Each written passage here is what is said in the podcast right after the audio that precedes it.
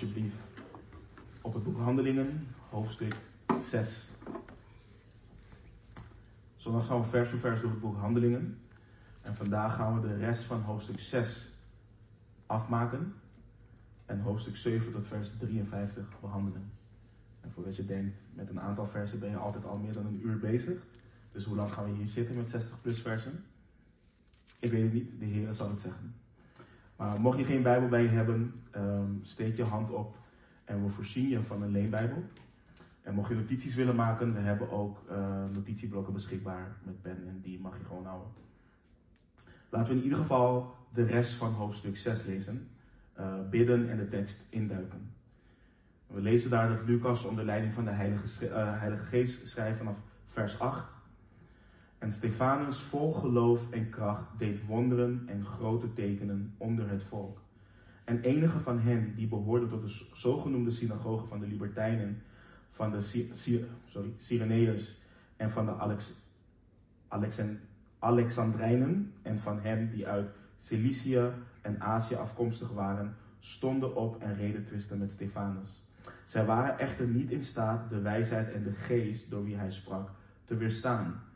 Toen zetten zij mannen aan om te zeggen: Wij hebben hem lasterlijke woorden tegen Mozes en God horen spreken. En zij brachten het volk, de oudsten en de schriftgeleerden in opschudding. En zij kwamen op hem, af, grepen hem en brachten hem voor de raad. En zij lieten valse getuigen optreden die zeiden: Deze man houdt niet op lasterlijke woorden te spreken tegen, tegen deze heilige plaats en tegen de wet. Want wij hebben hem horen zeggen dat die Jezus de Nazarener deze plaats zal afbreken en de gebruiken zal veranderen die Mozes ons overgeleverd heeft. En allen die in de raad zaten, hielden hun ogen op hem gericht en zagen zijn gezicht als het gezicht van een engel. Laten we bidden. Vader, we willen u danken, Heer, voor dit stuk, stuk tekst. We willen u danken voor de, de diepte, de rijkdom wat we vinden, Heer, in het hoofdstuk en in hoofdstuk 7. Heer, zonder uw geest zijn we niet in staat om te begrijpen wat u tot ons wilt spreken. Dus uh, open ons verstand alstublieft, vervul ons met uw geest, spreek tot ons. Heer, als het nodig is, vermaan ons, bouw ons op, uh, bemoedig ons, troost ons waar het nodig is, Heer. En uh, ja, spreek alstublieft tot ons. Loven en prijzen uw naam en bidden alles in Jezus' naam. Amen. Zoals ik al zojuist zei, uh, gaan we vandaag de rest van hoofdstuk 6 behandelen. En uh, dus een gedeelte van hoofdstuk 7. En in hoofdstuk 7 gaan we niet per se vers bij vers uh, erbij stilstaan. maar we gaan de hoofdthema's gaan we halen uit wat Stefanus, de Joodse leiders, probeert duidelijk te maken. Dus we gaan het makkelijk binnen een uur of twee redden. Het gedeelte wat we vandaag gaan behandelen is een transitie binnen het boek Handelingen. Uh, toen we begonnen aan onze vers voor vers reis, had ik gezegd dat je het boek Handelingen kunt opsplitsen door naar Handelingen 1, vers 8 te kijken. Waarin de Heer Jezus tegen de discipelen zegt, maar u zult de kracht van de Heilige Geest ontvangen, die over u komen zal en u zult mijn getuigen zijn. En dan zien we het zowel in Jeruzalem als in heel Judea en Samaria en tot aan het uiterste van de aarde. En tot op dit moment zijn de apostelen en discipelen bezig geweest als getuigen in Jeruzalem. We zagen hoe de kerk in een rap tempo groeide. Uh, bij de eerste toespraak 3000, tweede toespraak 5000 en vervolgens lezen we dat, uh, dat God bleef toevoegen um, aan de gemeente en de discipelen bleven zich vermenigvuldigen. En het is nu tijd om het evangelie voorbij de grenzen van Jeruzalem te gaan brengen. En dit, wordt in mijn beleving gewoon een hele, hele mooie en gezegende periode in het boek van Handelingen. Los van het feit dat we dat nu ook al hebben. Maar het wordt dus tijd om verder dan Jeruzalem te gaan. Want de Joodse leiders gaven immers zelf in Handelingen 5:28 toe. Hebben wij u niet ten strengste bevolen dat u in deze naam niet zal onderwijzen? En zie, u hebt met deze leer van u Jeruzalem vervuld, vervuld en u wilt het bloed van deze mens over ons brengen. Dus Jeruzalem zit vol met het evangelie. En het is, het is niet alsof het evangelie nooit meer in Jeruzalem verkondigd zou worden of moest worden. Maar het was nu tijd voor Judea, Samaria en de rest van de wereld. En wat we hier gaan lezen en ook volgende week met betrekking tot Stefanus gaat de, de katalysator zijn wat de kerk doet verspreiden over de landstreken van Judea en Samaria. En dit gedeelte is ook de brug van de apostel Petrus naar de apostel Paulus in dit boek. Ik wil niet zeggen dat we de apostel uh, Petrus niet meer gaan zien, maar het verslag van Petrus, zijn bediening in handelingen gaat over een aantal hoofdstukken tot een einde komen. En vanaf dat moment gaat Lucas de focus leggen op de bediening van de apostel Paulus als de apostel van de heidenen. En voordat we gaan inzoomen op Stefanus wil ik benadrukken dat deze studie niet om Stefanus draait. Geen enkele Bijbelstudie draait om een ander persoon in de Bijbel dan om de Heer Jezus Christus. Stefanus was net zoals wij dat zijn een dienaar van de Heer Jezus, een dienaar van het evangelie. En de punten die we gaan behandelen zijn niet om hem te verheerlijken, maar juist om ons te bemoedigen om net als onze broeder volledig beschikbaar te zijn voor de Heere God als instrument in zijn handen. We hebben voor vandaag twee hoofdconclusies die we gaan halen uit de studie. Want we gaan dus kijken naar één, Stefanus, de persoon. En we gaan inzoomen op de boodschap van Stefanus. En, en de eerste conclusie is dit. Als we kijken, als we naar Stefanus kijken, zien we dat goddelijke karakter, goddelijk karakter de basis is om vrijmoedig te getuigen van de Heer Jezus Christus. Geen menselijke wijsheid, geen menselijke moed, geen psychologie of menselijke strategie. Goddelijke karakter is de basis. Dus als christen geworteld en gefundeerd zijn in God. En we hebben natuurlijk steeds meer te maken met het feit dat we, um, en ik heb het niet over de gemeente hier maar gewoon binnen het christendom aanzien des persoon hebben. Oh, dat is een groot man van God. Of dat is een, grote, of een, een vrouw die machtig gebruikt wordt door God. En dat heeft niet met die persoon zelf te maken. Het heeft te maken met het feit dat die persoon geworteld en gefundeerd is in de Heer Jezus Christus. Dus dat is één. En twee, de boodschap van Stefanus wijst ons in hoofdstuk 7 ons op de soevereine, overvloedige genade van God aan rebellerende zondaars. Maar het wijst ons ook op het gevaar van verharding van onze harten tegen Gods genade. Dus als we gaan kijken naar het eerste, laten we kijken naar wat de Heilige Geest Lucas heeft ingegeven wat betreft het goddelijke karakter van Stefanus. Want ook al had hij een hele korte bediening, wat we hier kunnen lezen, het was een hele krachtige bediening wat hij uh, heeft vervuld. En waar we van kunnen leren. Kijk, als eerste, vers 5 van Handelingen 6 leert ons dat Stefanus vol van geloof was. Dat is één. Versen 3 en 5 leren ons dat hij vol van de Heilige Geest was. Vers 3 leert ons ook dat hij vol van wijsheid was. En vers 8 leert ons dat hij vol van genade was. En in jullie Nederlandse Bijbel staat er waarschijnlijk het woord geloof in vers 8. Maar het Griekse woord is eigenlijk het woord wat voor genade wordt gebruikt. Dus hij was vol van genade. Vers 8 leert ons ook dat hij vol van kracht was. En als je hoofdstuk 7 leest, dan leer je dat hij iemand was die de schrift heel goed kende.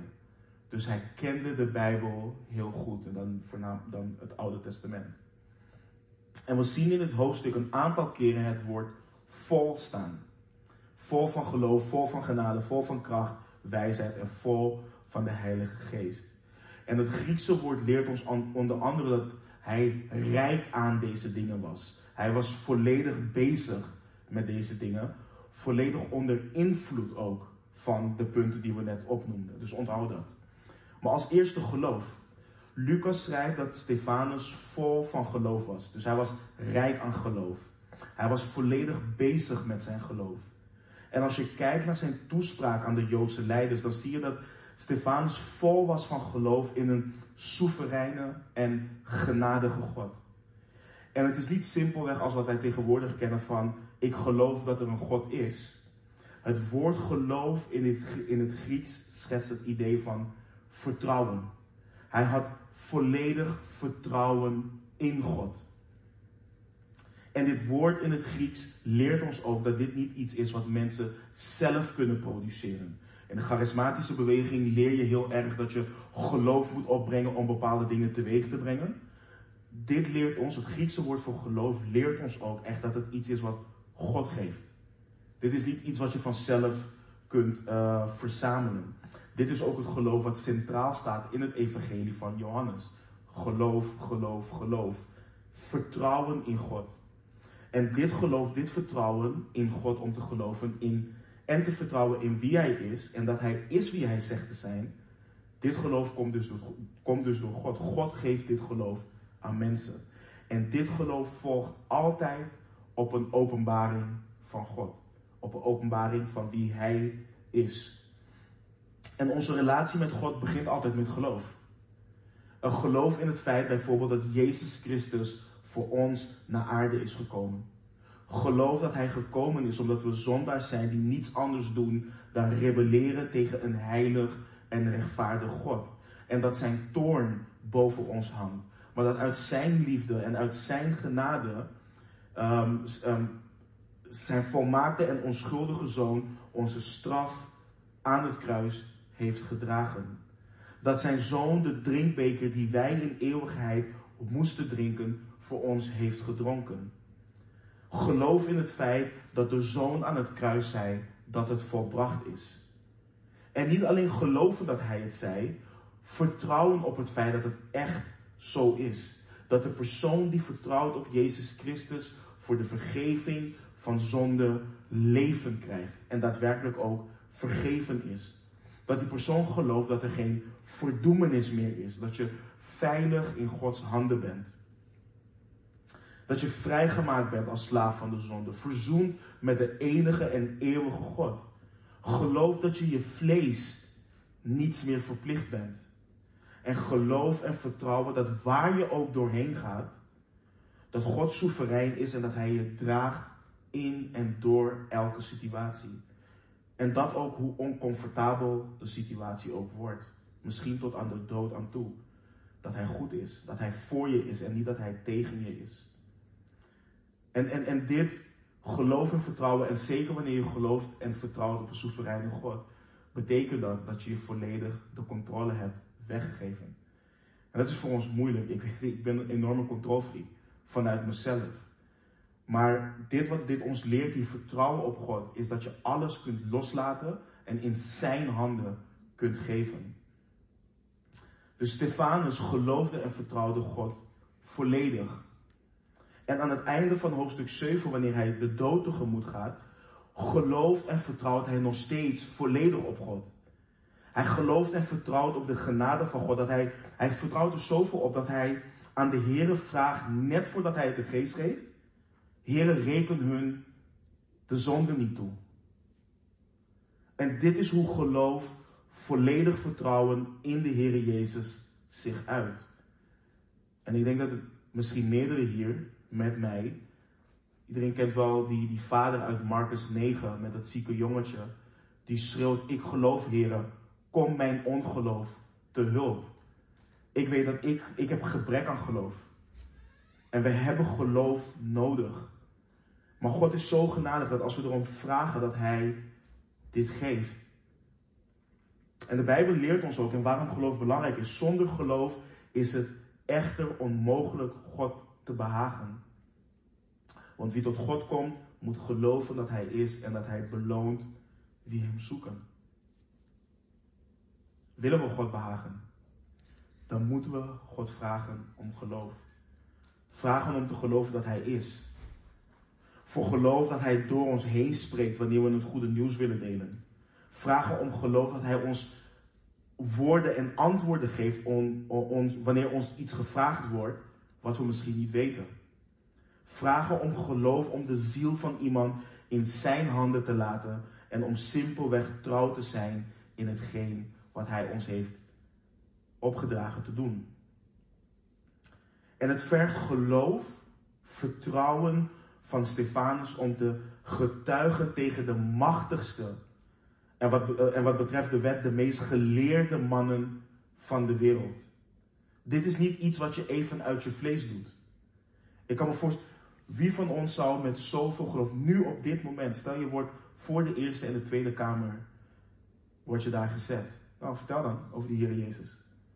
Nou, daar heb je geloof voor nodig. Om die mensen uit te leggen dat ze zondaren zijn. En dat de enige hoop die zij hebben in Jezus Christus is. En zij geloven van zichzelf dat ze goed zijn. En die mensen moet je dan gaan vertellen dat het niet zo is. En dat vergt geloof. Dat vergt echt geloof om te geloven dat wat in de Bijbel staat over de zielen van deze mensen waar is. Dus dit is niet iets wat je doet wanneer je gelooft dat er een God is. Je doet dit alleen als je er 100% zeker van bent. 100% vertrouwt dat de God die jij dient, de God die jij verkondigt, is wie hij zegt te zijn. De vraag is, hebben we dat geloof? Hebben we dat geloof? Lucas schrijft ook dat Stefanus vol van de Heilige Geest was. Dit was een van de kwalificaties die de apostelen stelden voor de zeven mannen die de tafels moesten dienen. Ze moesten in het bijzonder een goed getuigenis hebben en vol van de Heilige Geest zijn. En in tegenstelling tot wat in de charismatische beweging wordt beweerd, is het vol van de Heilige Geest zijn niet iets wat met een, met een, uh, met een, een, een, een buitengewone ervaring te maken heeft. Dat je in een staat van extase bent en dat je geen controle meer hebt over jezelf. Het heeft te maken met het feit dat je dagelijks wandelt in Christus. En dat je dagelijks onderworpen bent aan de Heilige Geest. Vol van de Heilige Geest zijn betekent niet dat je opeens zweverig wordt. Of dat je opeens dronken bent of iets in die trant. Dat heeft daar niks mee te maken. Dit uitzicht in het feit dat een discipel van Jezus vrucht draagt. Iemand die vol van de geest is, die valt niet, die rolt niet, die blaft niet, die brult niet en die lacht niet op oncontroleerbare wijze. Iemand die vol van de geest is, die groeit in wat Paulus schrijft in Galaten 5:22. Die groeit in liefde, blijdschap, vrede, geduld, vriendelijkheid, goedheid, geloof, zachtmoedigheid, zelfbeheersing. Het zijn vruchten van de geest. Dit is vrucht van de geest. De volheid van de geest is een kwestie van geestelijk groeien. Groeien in Christus. Kijk, een jonggelovige, en dat is ook heel belangrijk om te weten, een jonggelovige kan volledig overgegeven zijn aan de Heilige Geest. Maar hij of zij zal niet op dezelfde manier de volheid van de geest laten zien als iemand die al jaren met God wandelt in volledige afhankelijkheid van zijn geest. Je kent ze wel, die christenen die 20, 30 jaar met de Heer wandelen en die, die hebben een vrucht waarvan je denkt, wauw, dat is alleen het werk van God wat jaren in zo'n persoon aan het groeien is en die persoon draagt vrucht. En het is belangrijk dat we dagelijks wandelen in onderwerping en afhankelijkheid van Gods geest. En we doen dit simpelweg door hierom te vragen. Simpelweg aan God vragen om ons te vervullen met, ons, met, met zijn geest. Om ons te leiden van moment tot moment, om het woord van Christus in rijke mate in ons te laten wonen, opdat we veranderd worden en we iedere dag meer de gezindheid van Jezus Christus krijgen. En als we dat doen, laat Hij vrucht in ons hart en in ons leven groeien. Hij zal ons de kracht geven om van Christus te getuigen aan degenen die verloren zijn. Maar ook aan elkaar als broeders en zusters. Hij zal ons de kracht geven om te breken met zonde in ons leven.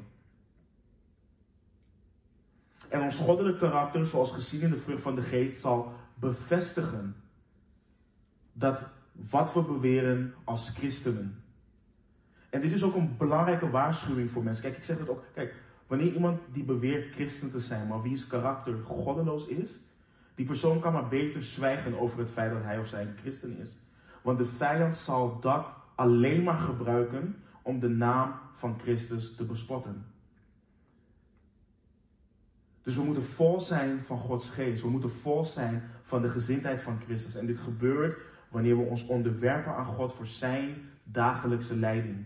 Wanneer we ons bevinden in de schrift en de Heilige Geest dit kan toepassen in ons leven. Dus Stefanus was vol van de Heilige Geest, maar hij was ook vol van wijsheid. En ook dit was weer een vereiste wat betreft de apostelen voor de diakenen. En wijsheid is iets totaal anders dan kennis. En ik zeg het ook vaker over hoe wij hier door de schrift gaan. Dit gaat niet om pure kennis. Wijsheid verwijst naar juist gedrag in gehoorzaamheid aan Gods wil. Niet alleen, aan, niet alleen naar het beheersen van een hoeveelheid van Bijbelkennis. En we moeten onderworpen zijn aan de Heer wanneer we zijn woord lezen om te groeien in wijsheid. En wijsheid begint bij God en het komt van God. In Spreuken 9, vers 10 leren we: Het beginsel van wijsheid is de vrezen des Heeren en de kennis van de heiligen is inzicht. Spreuken 2, vers 6 leert: De, de Heere geeft immers wijsheid. Uit zijn mond komen kennis en inzicht. Als de woorden die we lezen in de Bijbel komen uit de mond van de Heer, is het dan niet noodzakelijk dat we ons beijveren tot het bestuderen van Gods woord? En hoe prachtig is het om te weten dat Gods wijsheid, bijvoorbeeld, en dat is zo prachtig, want heel veel mensen denken dat het feit dat we in God geloven, dat het iets dwaas is. Dat het iets is dat we geloven in een sprookje en dat God helemaal niet wijs is. Maar hoe prachtig is het om te weten dat Gods wijsheid volledig tentoongesteld is aan het kruis. Het kruis laat Gods wijsheid volledig zien. Het is niet het feit dat we kunnen debatteren met mensen en dat we kunnen filosoferen en dat we dingen kunnen weerleggen. Dat komt erbij kijken. Maar zijn wijsheid is volledig tentoongesteld aan het kruis. Let op wat Paulus hierover schrijft in 1 Korinthe 1 Korinthe 1, vers 21 tot met 24. Dan schrijft Paulus onder leiding van de Heilige Geest. Want omdat in de wijsheid van God de wereld door haar wijsheid God niet heeft leren kennen, heeft het God behaagd door de dwaasheid van de prediking zalig te maken hen die geloven. Immers, de Joden vragen om een teken en de Grieken zoeken wijsheid. Wij echter prediken Christus, de gekruisigde. Voor de Joden een struikelblok en voor de Grieken een dwaasheid. Maar voor hen die geroepen zijn, zowel Joden als Grieken, prediken wij Christus, de kracht van God en de wijsheid van God. Het geheimenis van het kruis is de wijsheid van God. De kracht van God. En als we meer willen groeien in wijsheid, dan moeten we meer groeien in kennis en begrip van het kruis. Kennis en begrip van wat de Heere God daar aan het kruis heeft bewerkstelligd. Wat het betekent, wat eraan vooraf is gegaan en wat voor implicaties dit voor ieder mens heeft. Het kruis vernedert namelijk de wijze en hoogmoedig en verhoogt de heerlijkheid en de overvloedige genade van God. Want wie kan bedenken dat God, de schepper van hemel en aarde, houdt van zondige mensen en die mensen met zichzelf wil verzoenen en dan bedenkt, ik kom naar aarde als mens, leef volmaakt en sterf en ik sterf als volmaakt offer voor zondige mensen om hen met mij te verzoenen. Niemand verzint dat. Je kunt dat niet verzinnen. En het betekent veel voor iedere andere vorm van religie hier op aarde. Want elk systeem van verlossing dat werken, en ook al zijn het goede werken, vermengd met Gods genade, maakt het kruis ongeldig en is in strijd met Gods wijsheid. En dat is ook altijd wanneer we in gesprek gaan met andere mensen, met een moslim of met een boeddhist of met een hindoeïst. Het gaat er niet om dat wij gelijk hebben. Het gaat erom dat je aan Gods wijsheid, uh, dat je daarmee tart. Want het feit is dat God één manier heeft gegeven om mensen met zichzelf te verzoenen. En als je een andere manier daarvoor in de plaats brengt, dan zeg je, dat was nooit genoeg. Dat is niet genoeg, ik heb wat anders nodig. En God heeft in zijn wijsheid gegeven wat er nodig is. En getrouwe getuigen zoals Stefanus zullen de wijsheid van deze wereld weerleggen en de wijsheid van Christus en het kruis altijd verheerlijken. En het prachtige is, kijk, de tegenpartij kan zeggen wat het wilt. Maar niemand, niemand op deze aardbol, niemand is in staat om de geest te weerstaan. Je kunt met wetenschap komen, je kunt met filosofie komen, je kunt komen met wat je maar wil. Maar wanneer je vol bent van de geest, dan zal niemand de geest in jou kunnen weerstaan. Want niemand heeft een antwoord op het feit dat God naar aarde is gekomen en door Jezus Christus mensen met zichzelf heeft verzoend. Dus Stefanus was vol wijsheid, maar hij was ook vol genade. En dit is ook wat Johannes schreef over de Heer Jezus in zijn evangelie. Hij schreef in Johannes 1, vers 14. En het woord, Jezus Christus, is vlees geworden en heeft onder ons gewoond. En wij hebben zijn heerlijkheid gezien, een heerlijkheid als van de enige geborene van de Vader, vol van genade en waarheid. Daar waar de Heer Jezus de belichaming was van genade, laat Lucas zien dat Stefanus vol van genade was door zijn begrip van wat de Heer heeft gedaan aan het kruis. Hij is aangeraakt en hij is veranderd door die genade. Stefanus wist heel goed dat hij uit genade zalig is geworden. Niet door zijn eigen werken. Hij wist dat hij nergens in kon roemen dan in Jezus Christus. Hij wist dat het de gave was van God. Hij wist dat hij zichzelf niet beter kon maken. Hij wist dat hij zichzelf niet beter hoefde te maken. Hij kwam naar het kruis met al zijn bagage en wierp alles op Jezus. En het is wat Paulus schreef in Romeinen 5, vers 8. God echter bevestigt zijn liefde voor ons daarin dat Christus voor ons gestorven is toen wij nog zondaars waren. En wat is de implicatie van deze genade voor wedergeboren christenen? Waarom is dit belangrijk? Een persoon die genade heeft ontvangen en leeft door genade, die toont deze genade ook aan anderen. Een innerlijke ervaring van genade stroomt naar buiten in een genadige geest naar anderen toe. En dat zie je bij Stefanus terug. Hij schold de mensen niet uit die hem, die hem vervolgden. Hij gooide geen stenen terug naar de mensen die stenen naar hem gooiden. Wat deed hij? Hij bad voor ze. Hij deelde het evangelie met ze, opdat ze de genade van Christus mochten leren kennen. En dat is een belangrijke les voor ons. Als wij genade hebben ontvangen, moeten wij ook genadig zijn aan de mensen die dat nog niet hebben ontvangen. We moeten die genade doorgeven. Alleen op die manier kunnen mensen een ontmoeting krijgen met de Heer Jezus Christus. Op die manier kunnen de mensen de genade ontvangen van de Heer Jezus Christus. De Heer Jezus heeft ons aangenomen met al onze smet en rimpel. Met al onze bagage. Hoe kunnen wij mensen dan afwijzen die dezelfde bagage hebben en die bagage nog niet hebben neergelegd bij de Heer Jezus Christus? We moeten die genade ook tonen. Als we vol van genade zijn, moeten we het doorgeven.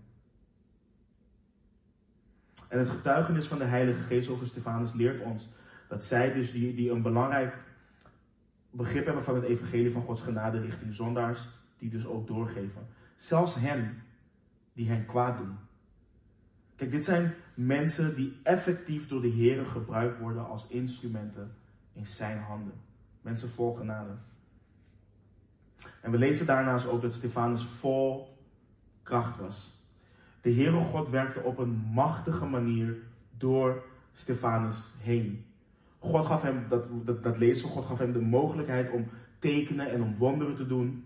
En buiten de apostelen aangesteld door de Heer Jezus, zien we in de vroege kerk dat alleen Stefanus, Philippus en Barnabas tekenen en wonderen deden. Betekent dit dat God geen tekenen en wonderen meer kan doen? Nee. Maar zoals ik al eerder heb gezegd, is het belangrijk dat we begrijpen dat Handelingen een boek van transitie is. God gebruikte deze mensen om zijn evangelie te bevestigen. En we zien dit in een aantal uh, teksten. Denk bijvoorbeeld aan Hebreeën 2, versen 3 en 4. De schrijver uh, schrijft dan, hoe zullen wij dan ontvluchten als wij zo'n grote zaligheid voor ons veronachtzamen, die in het begin door de Heer is verkondigd en die aan ons is bevestigd door hen die hem gehoord hebben. God heeft er bovendien mede getuigenis aangegeven door tekenen wonderen en allerlei krachten en gaven van de Heilige Geest overeenkomstig zijn wil. Of in 2 Korinthe 12, vers 12. De tekenen van een apostel zijn onder u verricht in al mijn volharding, in tekenen, wonderen en krachten. Dus, dus nogmaals, het is niet dat God vandaag de dag geen tekenen en wonderen kan doen aan 2020. We gaan de Heer niet beperken door ons beperkende theologie of door ons klein geloof. Maar het bijbelse bewijs is dat de gave van het regelmatig verrichten van wonderen beperkt was tot deze overgangsperiode met als doel het getuigenis van de apostelen en het evangelie te bevestigen. Nu een ander ding over kracht. Wat ik jammer vind, en, en, en dit vooral in de charismatische beweging, is dat kracht alleen in relatie tot tekenen en wonderen wordt gezien. Maar let op wat er door de apostel Paulus wordt geschreven wat betreft kracht in Colossense 1, vers 9 tot en met 11. Dan schrijft Paulus dat hij bidt voor de heiligen. Hij zegt, daarom houden ook wij niet op, vanaf de dag dat wij het gehoord hebben, voor u te bidden en te smeken dat u vervuld mag worden met de kennis van zijn wil in alle wijsheid en geestelijk inzicht, zodat u wandelt op een wijze de Heere waardig, hem in alles behaagt, in elk goed werk vrucht draagt en groeit in de kennis van God. En dan nu vers 11. Terwijl u met alle kracht bekrachtigd wordt overeenkomstig de sterkte van zijn heerlijkheid. En voor wat? Om met blijdschap in alles te volharden en geduld te oefenen. Dit is wat we anno 2020 nodig hebben. Discipelen van de Heer Jezus die bekrachtigd zijn met kracht om met blijdschap in alles te volharden en geduld te oefenen. En dit is niet om mensen te veroordelen. Maar ik kan je niet zeggen hoe vaak ik mensen hoor praten over de geest, over krachten, over wonderen en tekenen. Maar wanneer een ongelovige ze een kritische vraag stelt, dan is volharding, geduld en blijdschap heel ver te zoeken. En dan kun je wonderen en tekenen doen wat je wilt. Maar je hebt er niets aan gedaan, of maar je hebt er niets aan als je het getuigenis van Christus gaat door je precies als de wereld te gedragen. Dan kun je wonderen en tekenen doen wat je wilt. Maar als er geen blijdschap is, als er geen volharding is, als er geen geduld is, dan heb je er niks aan. Dit is echte kracht. Dit is bijbelse kracht. Dus je ziet dat los van tekenen, wonderen, kracht, zich uit in geduld, volharding en blijdschap bij Stefanus. Zelfs in hele benauwende situaties. En het is belangrijk dat wij de Heere God hier ook om smeken. Laten we Hem om deze kracht vragen. En als laatste, als het gaat om de persoon Stefanus. Als je de toespraak van Stefanus leest, dan kom je tot de conclusie dat hij de schrift kende en dat hij het heel goed kende. En let goed op, Stefanus, wanneer hij tot de Joden praat, tot de Joodse leiders, hij heeft niet even een boek uitgerold om door Genesis, Exodus en de andere boeken van het Oude Testament te gaan. Hij citeert alles uit zijn hoofd. Geleid door de geest citeert hij de schrift. En dit is Johannes 14, 26 in de praktijk, waar de Heer Jezus zegt. Maar de trooster, de Heilige Geest, die de Vader zenden zal in mijn naam, die zal u in alles onderwijzen en u in herinnering brengen alles wat ik u gezegd heb. Dit is ook wat de Heer Jezus zei in Matthäus 10, vanaf vers 16. Dan zegt hij tegen de discipelen wanneer hij ze uitzendt: Zie, ik zend u als schapen te midden van de wolven. Wees dus bedachtzaam als de slangen en oprecht als de duiven. Maar wees op uw hoede voor de mensen, want zij zullen u over, overleveren aan raadsvergaderingen en in hun synagogen zullen zij u gezelen. En u zult, ook voor de stad, u zult ook voor stadhouders en koningen geleid worden omwille van mij, tot een getuigenis voor hen en de heidenen. Maar wanneer zij u overleveren, moet u niet bezorgd zijn hoe of wat u spreken moet, want het zal u op dat moment gegeven worden wat u spreken moet. Want u, want u bent het niet die spreekt, maar de geest van uw Vader die in u spreekt. Kijk, deze versen leren ons Dat we niet gewoon kunnen zitten en denken dat wanneer we ergens zijn, we opeens magisch worden in onze mond, krijgen om te spreken. Begrijp me niet verkeerd, God kan dat doen. Maar de Heere Jezus zei, Hij zal u in herinnering brengen wat ik u gezegd heb. Om je weer iets te kunnen herinneren, moet je het eerst hebben geweten. En daarom zegt Delano bijvoorbeeld ook altijd dat hij los van de Bijbel voor zichzelf te bestuderen, het ook voor anderen bestudeert. Opdat hij kan doen waartoe, waartoe Petrus de Heilige oproept onder leiding van de Heilige Geest in 1 Petrus 3, vers 15. Maar heilig God, de Heere in uw hart. En wees altijd bereid tot verantwoording aan ieder die u rekenschap vraagt van de hoop die in u is. Met zachtmoedigheid en ontzag. Ik geloof dat we meer van Gods hand in Nederland zouden zien als meer beleidende christenen zich echt zouden bevinden in Gods woord. Opdat ze vol van geloof zouden zijn, vol van de Heilige Geest, vol van wijsheid, vol van genade en vol van Gods kracht. Kun je je voorstellen wat voor impact dit zou hebben op dit land? Want het woord van God heeft kracht. En daarom schrijft de apostel Paulus ook in Colossense 3:16: Laat het woord van Christus in rijke mate in u wonen. In alle wijsheid onderwijs elkaar en wijs elkaar terecht met psalmen, lofzangen en geestelijke liederen. Zing voor de Heer met dank in uw hart. Daarom schrijft de schrijver van de Hebreeën in het tweede hoofdstuk van zijn brief. Daarom moeten wij ons te meer houden aan wat door ons gehoord is, opdat wij niet op enig moment afdrijven.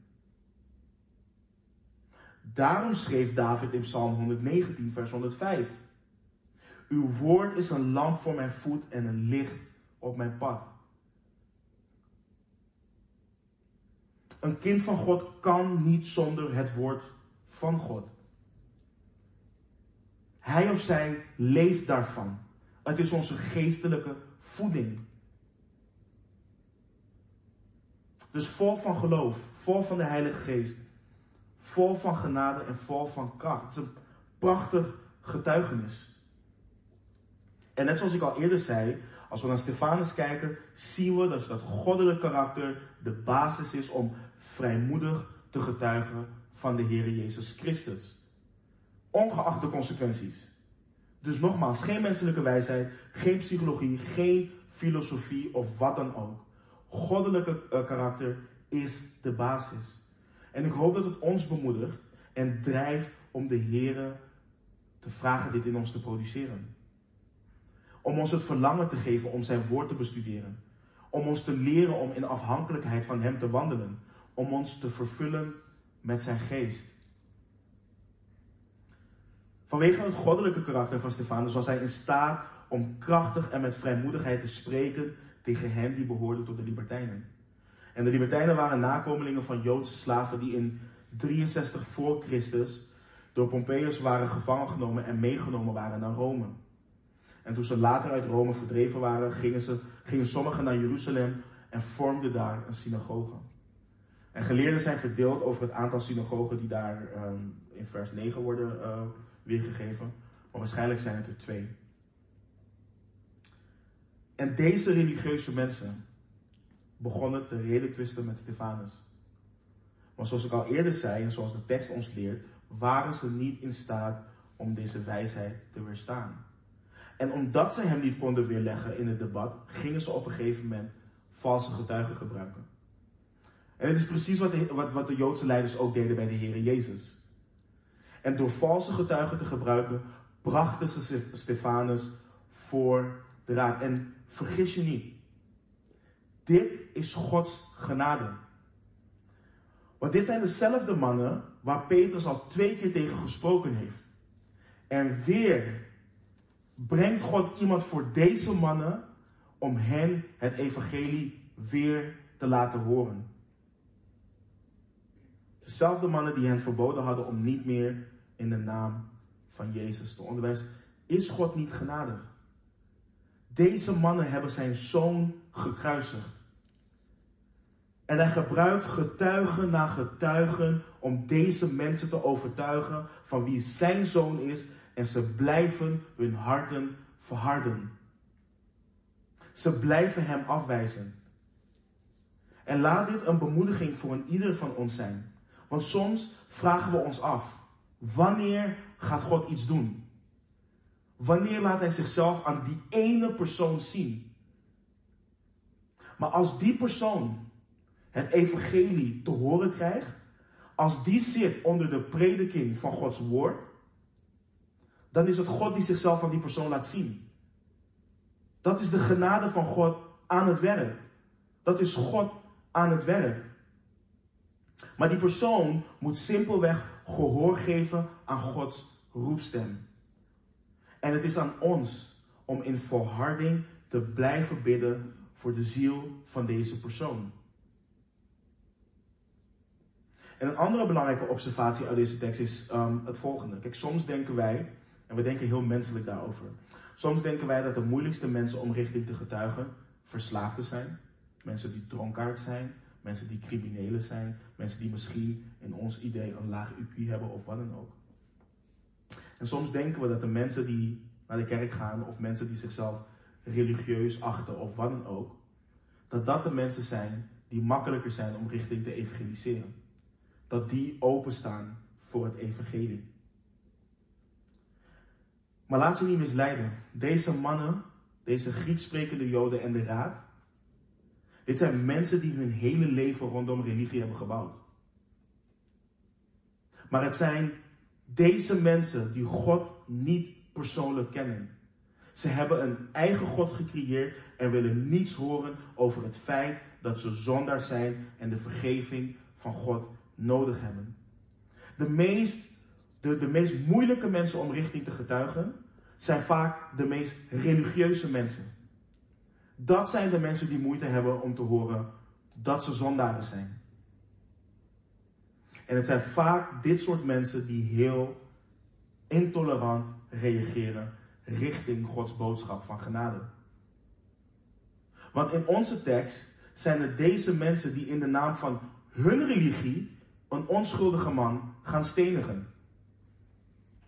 En dat is altijd het probleem van een religie gemaakt door mensen. Religie gemaakt door mensen kan nooit redden van zonden, omdat het berust op menselijke inspanning en op menselijke goede werken.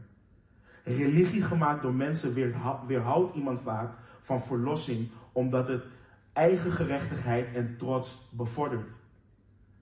Want een religieus mens of een religieus persoon moet zijn trots vernederen en toegeven dat hij een zondaar is door naar het kruis van Jezus Christus te komen voor redding. En dat vinden wij mensen moeilijk. Of we nou religieus zijn of niet. Maar religieuze mensen vinden dat nog moeilijker. Want die gaan zeggen, ik ga iedere zondag naar de kerk. Ik ben gedoopt. Ik ben opgegroeid in de kerk. Of ik laat alle mensen in hun religieuze waarden. Maar dat zijn de mensen die intolerant zijn. Maar wanneer ze horen dat zij ook opnieuw geboren moeten worden. Dat ze geen goede mensen zijn. Maar dat God genadig is en hen nieuw leven wil schenken. Het enige wat ze horen is, ik ben geen goed mens. Maar heb je niet gehoord wat ik allemaal doe en wat ik allemaal heb gedaan?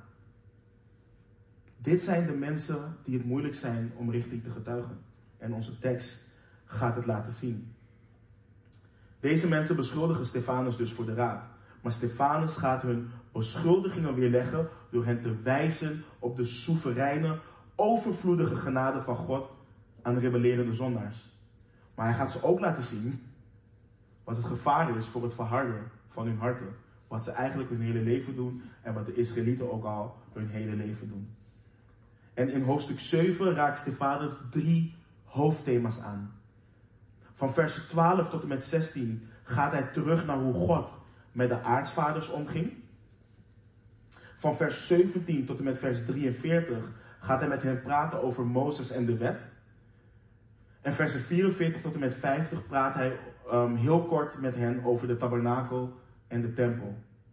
En wat ik al net, net al zei, hè, in plaats van de boodschap tot in detail door te nemen, wat veel meer tijd zal kosten dan ik, dan, dan ik wil, wil ik jullie dus deze drie dominante thema's laten zien die er doorheen uh, verwoven zijn of verweven. Want let op wat de Grieks sprekende Joden doen in de beschuldigingen. Ze beschuldigen Stefanus van het spreken van lastelijke woorden tegen Mozes en tegen God.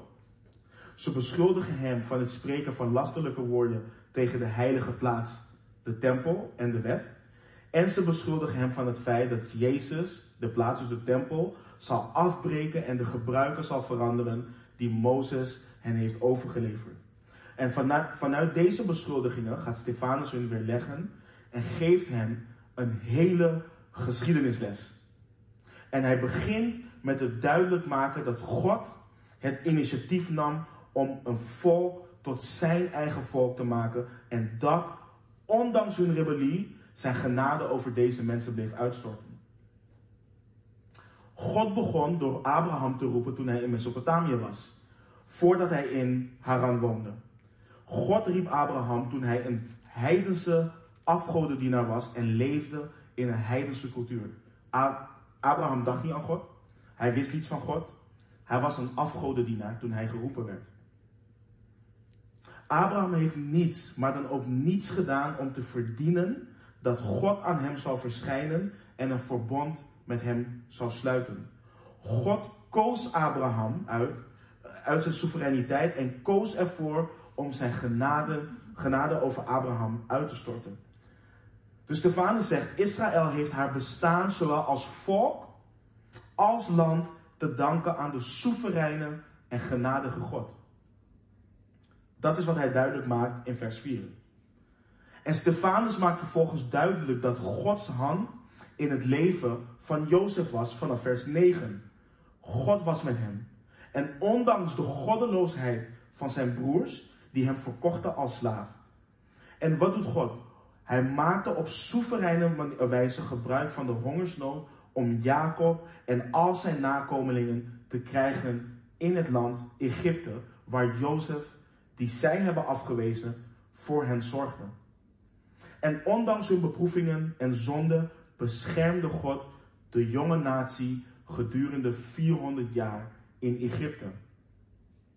En toen het tijd was dat God zijn belofte aan Abraham zou nakomen, vanaf vers 17, werd Mozes geboren, lezen we in vers 20. En we lezen dat Mozes een mooie baby was. Hij was trouwens, van alle baby's in, in, in de Bijbel, wordt Mozes de enige gezegd dat hij een mooie baby was. Maar Mozes werd geboren in een periode toen de farao had geboden om alle Joodse jongens te doden. Het volk groeide te snel. En net toen er geen hoop leek te zijn voor Israël, liet God zichzelf zien. In zijn genade en soevereiniteit beschermde God Mozes door de dochter van Farao en voorzag hem in een opleiding in alle wijsheid van de Egyptenaren, zodat hij een machtig man was in woorden en in daden. Maar ondanks zijn kennis en macht accepteerde het volk van Israël Mozes niet als hun bevrijder.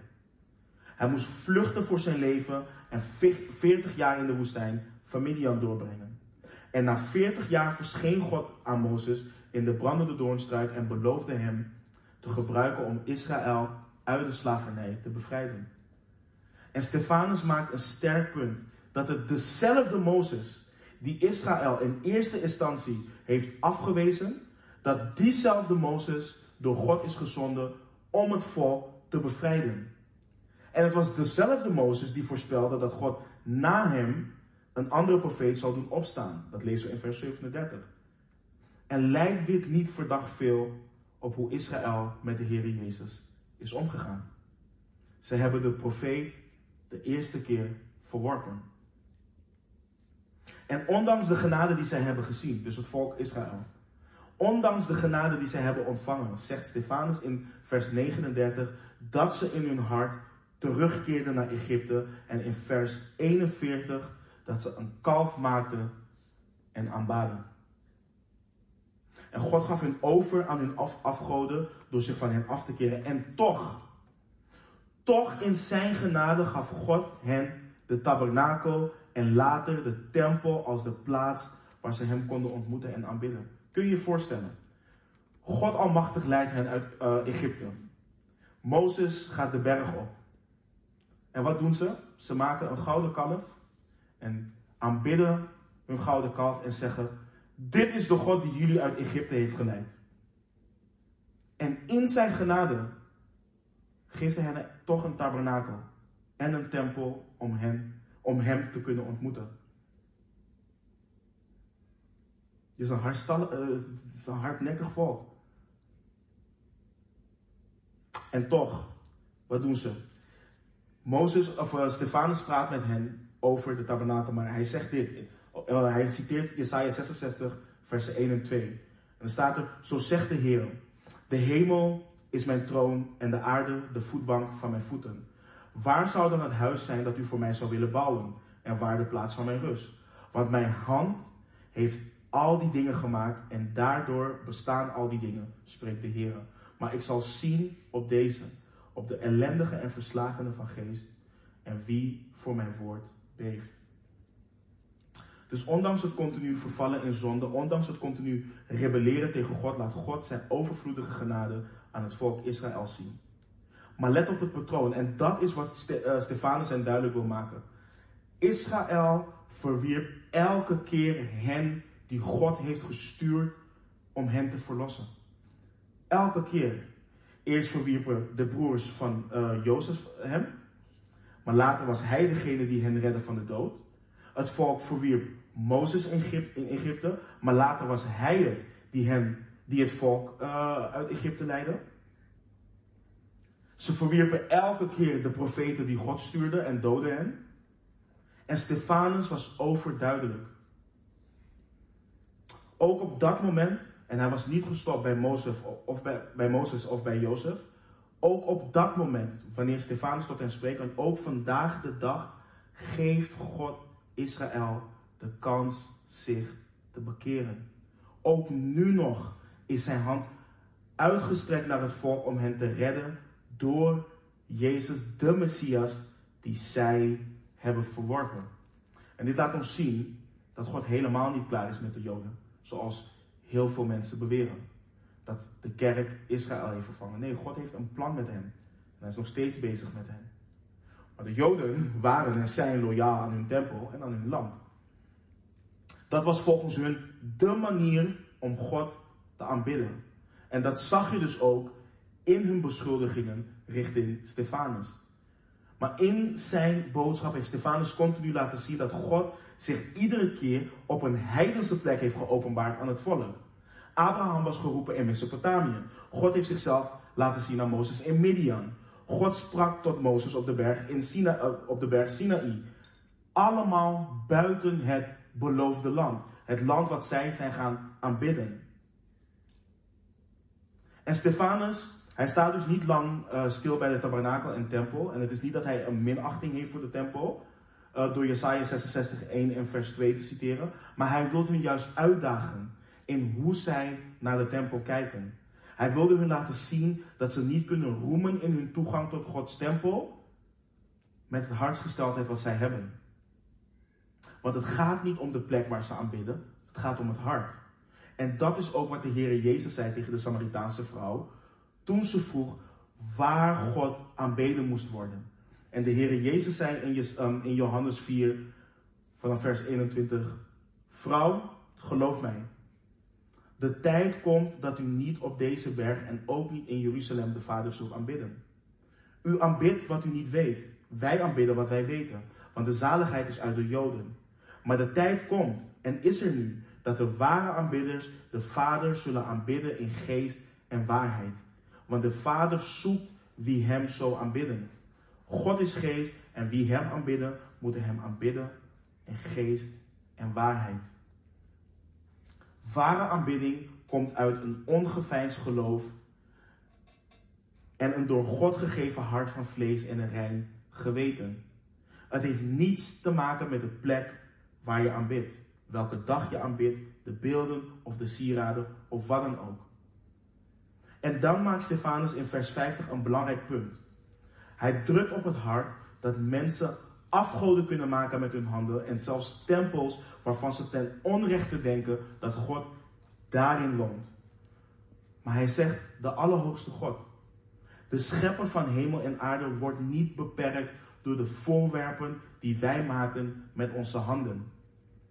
En of we nu dus in een prachtig gebouw aanbidden of ergens in een woestijn, We moeten rekening houden met het feit dat we een heilige God aanbidden en tot een heilige God naderen. En we horen ons af te keren van elke vorm van afgoderij. Je kunt je houden aan rituelen wat je wilt. Maar alsnog hardnekkiger zijn zoals Stefanus, de Joodse leiders, in vers 51 noemt. Je kunt alle kennis van Gods woord hebben en nog steeds onbesneden zijn van hart en, en oren en je in ongehoorzaamheid tegen God verzetten. En dat is het punt wat hij niet alleen op, op de harten van de Joodse leiders drukt. Dit is een belangrijke les voor ons vandaag de dag. Want in 1 Korinthe 10 leert Paulus ons hoe het volk Israël een voorbeeld, een waarschuwend voorbeeld voor ons is. Vanaf vers 6 lezen we het volgende in 1 Korinthe 10. En deze dingen, hij schrijft dus over Israël, de dingen die zijn gebeurd. Deze dingen zijn gebeurd als voorbeelden voor ons, opdat wij niet zouden verlangen naar kwade dingen, zoals ook zij verlangd hebben. En wordt geen afgodendienaar zoals sommigen van hen, zoals geschreven staat. Het volk ging zitten om te eten en te drinken en zij stonden op om te feesten. En laten wij geen hoererij bedrijven, zoals sommigen van hen hoererij bedreven hebben. En op één dag vielen er 23.000.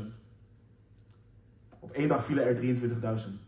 En laten wij Christus niet verzoeken, zoals ook sommigen van, hem, van hen hem verzocht hebben en door de slangen omgekomen zijn. En moord niet, zoals ook sommigen van hen gemoord hebben en omgekomen zijn door de verderver. Al deze dingen nu zijn hun overkomen als voorbeelden van ons en ze zijn beschreven tot waarschuwing voor ons over wie het einde van de eeuwen gekomen is. Daarom, wie denkt te staan, laat hij oppassen dat hij niet valt. Laat dit gedeelte ons onder andere niet zien dat het Oude Testament net zo relevant is als het Nieuwe Testament. En dat, ook het lezen, en dat het ook het lezen en bestuderen waard is. Net zoals het Nieuwe Testament. Nogmaals, we kunnen veel dieper ingaan op de preek van Stefanus, maar de, de, de thema's zijn duidelijk. Het laat ons zien hoe God, op, hoe God genade op genade wil uitstorten over rebellerende zondaars. Maar mensen moeten waakzaam zijn en hun harten niet verharden. En ook wij horen onze harten niet te veranderen, uh, verharden. Wij die beleiden christenen te zijn. Stefanus spreekt hier tegen mensen die beleiden volgelingen van God te zijn. En hoewel Israël bevoorrecht was en is zoals geen andere natie op aarde is, toch heeft die natie haar redder verworpen. En de tempel waarin zij roemde werd in 70 na Christus gelijk gemaakt met de grond. En de toespraak van Stefanus is voor ons een belangrijke les. Van Stefanus alleen al kunnen we leren hoe we horen uit te reiken naar rebellerende zondaars. God wil mensen met zich verzoenen. We mogen zondaars nogmaals niet afwijzen omdat het zondaars zijn. We mogen ze niet afwijzen omdat ze zich gedragen als zondaars. Ja, we horen geen deel te hebben aan hun werken, maar we horen wel naar hen uit te reiken. God heeft ons in zijn genade en liefde aangenomen als zijn kinderen. Hij heeft ons leven gegeven. Hij heeft ons vergeven, ondanks ons verleden, ondanks ons heden en ondanks onze toekomst. Hij heeft zijn liefde laten zien. En ja, God is toornig richting zondaars. Maar hij wil zondaars redden. En het bekendste vers van de Bijbel leert ons, Johannes 3:16, want zo lief heeft God de wereld gehad, dat hij zijn enige geboren zoon gegeven heeft, opdat ieder, ieder die in hem gelooft, niet verloren gaat, maar eeuwig leven heeft. En we kunnen de toespraak van Stefanus ook toepassen door onze eigen harten te beschermen en waken dat we Gods genade niet gebruiken of misbruiken om te zondigen, om te leven in zonde. We kennen allemaal de uitspraken, ja maar God vergeeft. Ja maar God vergeeft is geen excuus voor zonde. Ja maar God is genadig. Ja maar God is, geen, eh, is genadig is geen excuus voor zonde. Ja maar God is geduldig. is ook geen excuus voor zonde. Paulus tackelt dit in Romeinen 6, versen 1 en 2. Hij zegt, wat zullen wij dan zeggen? Zullen wij in de zonde blijven opdat de genade toeneemt? Volstrekt niet. Hoe zullen wij, die met betrekking tot de zonde gestorven zijn, nog daarin leven? Als, kinderen, als Gods kinderen zijn we bevoorrecht. Maar het is geen excuus om net als het volk Israël ons te wenden tot afgoderij en ons in te laten met zonde. Petrus schrijft niet zomaar in 1 Petrus 1, vers 15. Maar zoals Hij die u geroepen heeft heilig is, wordt zo ook zelf heilig in heel uw levenswandel. Hij schrijft dit niet omdat dit tegeltjeswijsheid is. Hij schrijft dit omdat God heilig is en Hij ons heeft geroepen om heilig te zijn. Hij schrijft dit omdat Gods goede tierenheid ons tot bekering leidt. En als laatste toepassing is dat we waakzaam zijn tegen rituelen en gebruiken. Ondanks alles wat Israël van de Heer heeft gekregen, de wet, de tempel, de tabernakel, het land. Ondanks dat alles was hun hart ver van God. Ze waren meer gericht op de gaven dan de gever van de gaven. Israël was bevoorrecht, maar ze hebben niet in acht genomen wie daar de bron van was. En ook zo zijn wij bevoorrecht. Kijk naar alles wat wij hebben. Kijk het prachtige gebouw waarin we samenkomen. Kijk naar het feit dat we de Bijbel in onze eigen taal hebben. En in onze eigen taal meerdere vertalingen. We hebben het op print, we hebben het op je telefoon, op je iPad en noem maar op. We kunnen zingen en aanbidden in vrijheid. Je gaat op YouTube en je hebt honderdduizenden preken tot je beschikking. En ondanks al die dingen kan je hart ver van God zijn. Je kan zes uur opstaan, je kan half zes opstaan, je kan acht uur opstaan, je kan opstaan op je stille tijd, om je stille tijd te hebben. En alsnog ver van de Heer zijn. Ondanks al die dingen kun je je toch schuldig maken aan afgoderij. En kijk bijvoorbeeld naar de katholieke kerk. En het is niet om hen aan te vallen. Maar het is simpelweg een voorbeeld. Ze hebben alles. Rozenkransen, Ave Maria's, rituelen en noem maar op. Maar allemaal eigen gebruiken en afgoderij.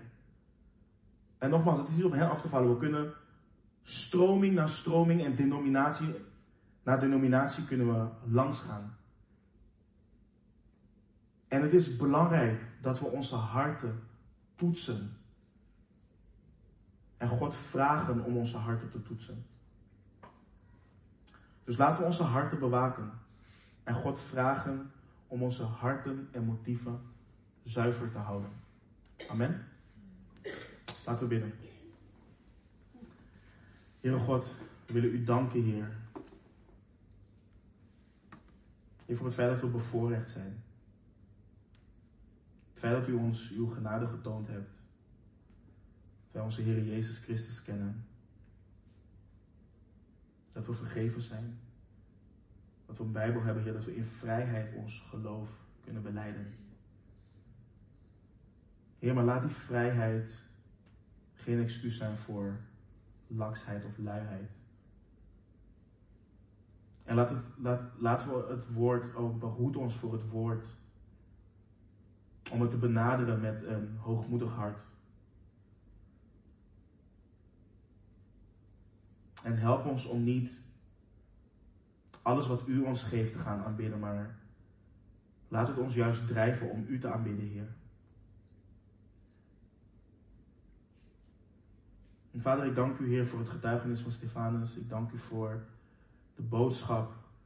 Het feit dat u hem hebt geleid, Heer, om dit richting de Joodse leiders te spreken en wat we daar allemaal uit kunnen leren.